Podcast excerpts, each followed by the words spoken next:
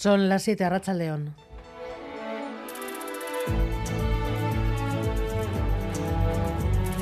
Gambara con Arancha García.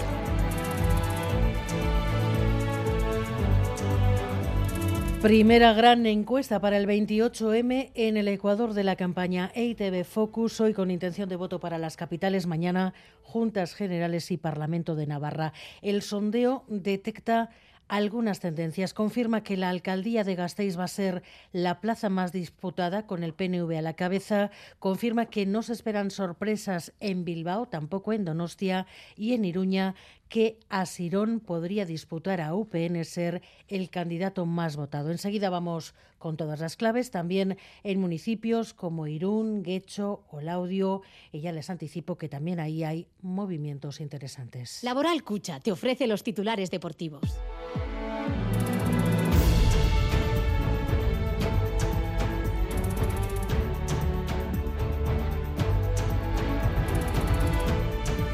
Pero además hoy se ha reunido la mesa de la sequía, previsión para adelantarse a lo que pueda pasar. La sequía amenaza con recortar las cosechas de grano y hierba y aunque la situación ha mejorado con las últimas lluvias, el gobierno vasco se ha comprometido hoy a tomar medidas por las si la situación se agrava. No descarta incentivar por ejemplo, la producción de forraje. Si necesitamos de forma inmediata y lo vemos que para agosto, septiembre va a ser necesario, evidentemente habrá que adquirirlo de fuera. Si el año pasado fue necesario este año todavía más, porque aquellos lugares donde compramos tienen una sequía muy importante. Luego la producción va a ser menor. Entonces, eh, nosotros no tenemos ese nivel de sequía, es verdad, pero de aquellos a los que adquirimos eh, el forraje, la alimentación de nuestros animales, sí tienen un nivel de sequía, el precio va a subir.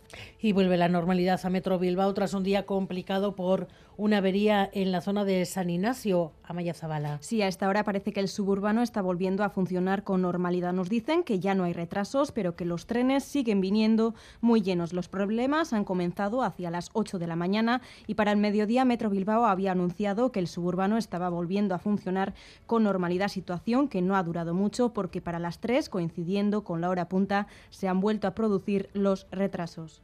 La verdad es que estaba muy lleno y más gente de lo normal. Eh, hoy estaba el metro llenísimo, pero hasta tope y casi ni entraba gente. Parecía un partido del Atleti. Pues también hemos notado bastante aglomeración. Bai, ala da, ikusi panel batzutan atzeapenak zeudela jartzezula, nik ez demo asko etxein behar izan. Iba como a trompicones, se paraban túneles, iba como más despacio y mal.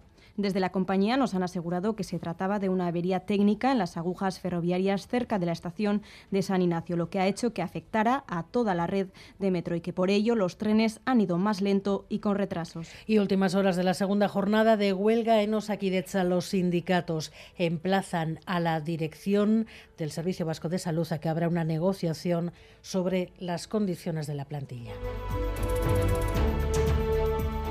No se sabe a, cierta, a ciencia cierta qué ha pasado, pero sí que se descarta la participación de terceras personas. Dos mellizas de 12 años han caído esta mañana desde un sexto piso en Oviedo, Gary Suárez. Ha ocurrido esta mañana en el barrio de La Hería. Las dos hermanas de nacionalidad rusa se han precipitado desde una ventana de un sexto piso del edificio donde vivían. La investigación sigue abierta en estos momentos, pero la policía ya ha confirmado, como decías, que no hay terceras personas implicadas. Les estoy hablando de un suceso trágico. ¿eh? Estamos haciendo las primeras comprobaciones. Todavía no podemos, eh, de una manera fehaciente, pues darles todos los datos. Parece ser que, eh, que no ha habido intervención de terceras personas.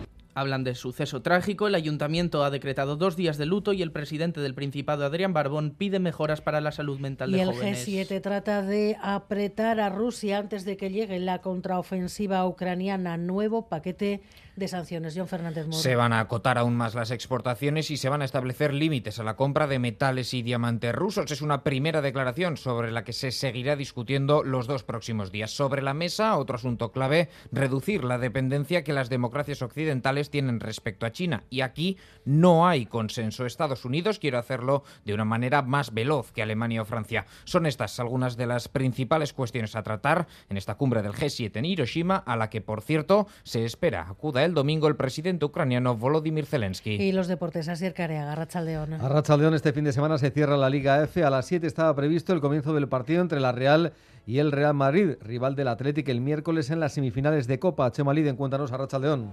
Alchaldeón, bueno, pues llevamos ya cinco minutos de partido aquí en Zubieta, último encuentro de esta temporada por lo que a la Liga se refiere y con el resultado inicial de empate a cero. Recordamos que por parte de la Real Sociedad forman de salida Lete en la portería, Alegra Chezarreta, Vanega Seizar en defensa, con Andrea y Jaime Gili por dentro, Amayur y Jensen por bandas, Nereiza de enganche y arriba Sani France. Buena entrada para presenciar este último partido de la temporada aquí en Zubieta entre la Real Sociedad y Real Madrid 0-0, 5 y medio de la primera parte. Gracias, Chema. Mañana a partir de las 12, la Alavés Gloriosas se jugará la permanencia en Ibaya ante la Lama y también en otros campos. Además, en ciclismo, el colombiano Einer Rubio de Movistar se ha adjudicado la victoria en la decimotercera etapa del Giro de Italia. Una jornada recortada por el mal tiempo. El británico Geraint Thomas se mantiene al frente de la clasificación. En balonmano, a las 9, Veravera se juega la supervivencia en la liga. Necesita ganar al Elche en el Gasca para seguir aspirando a revalidar el título. Y en baloncesto, Olympiacos jugará su novena final de la Euroliga tras derrotar al Mónaco por 76-62. A las 8 empieza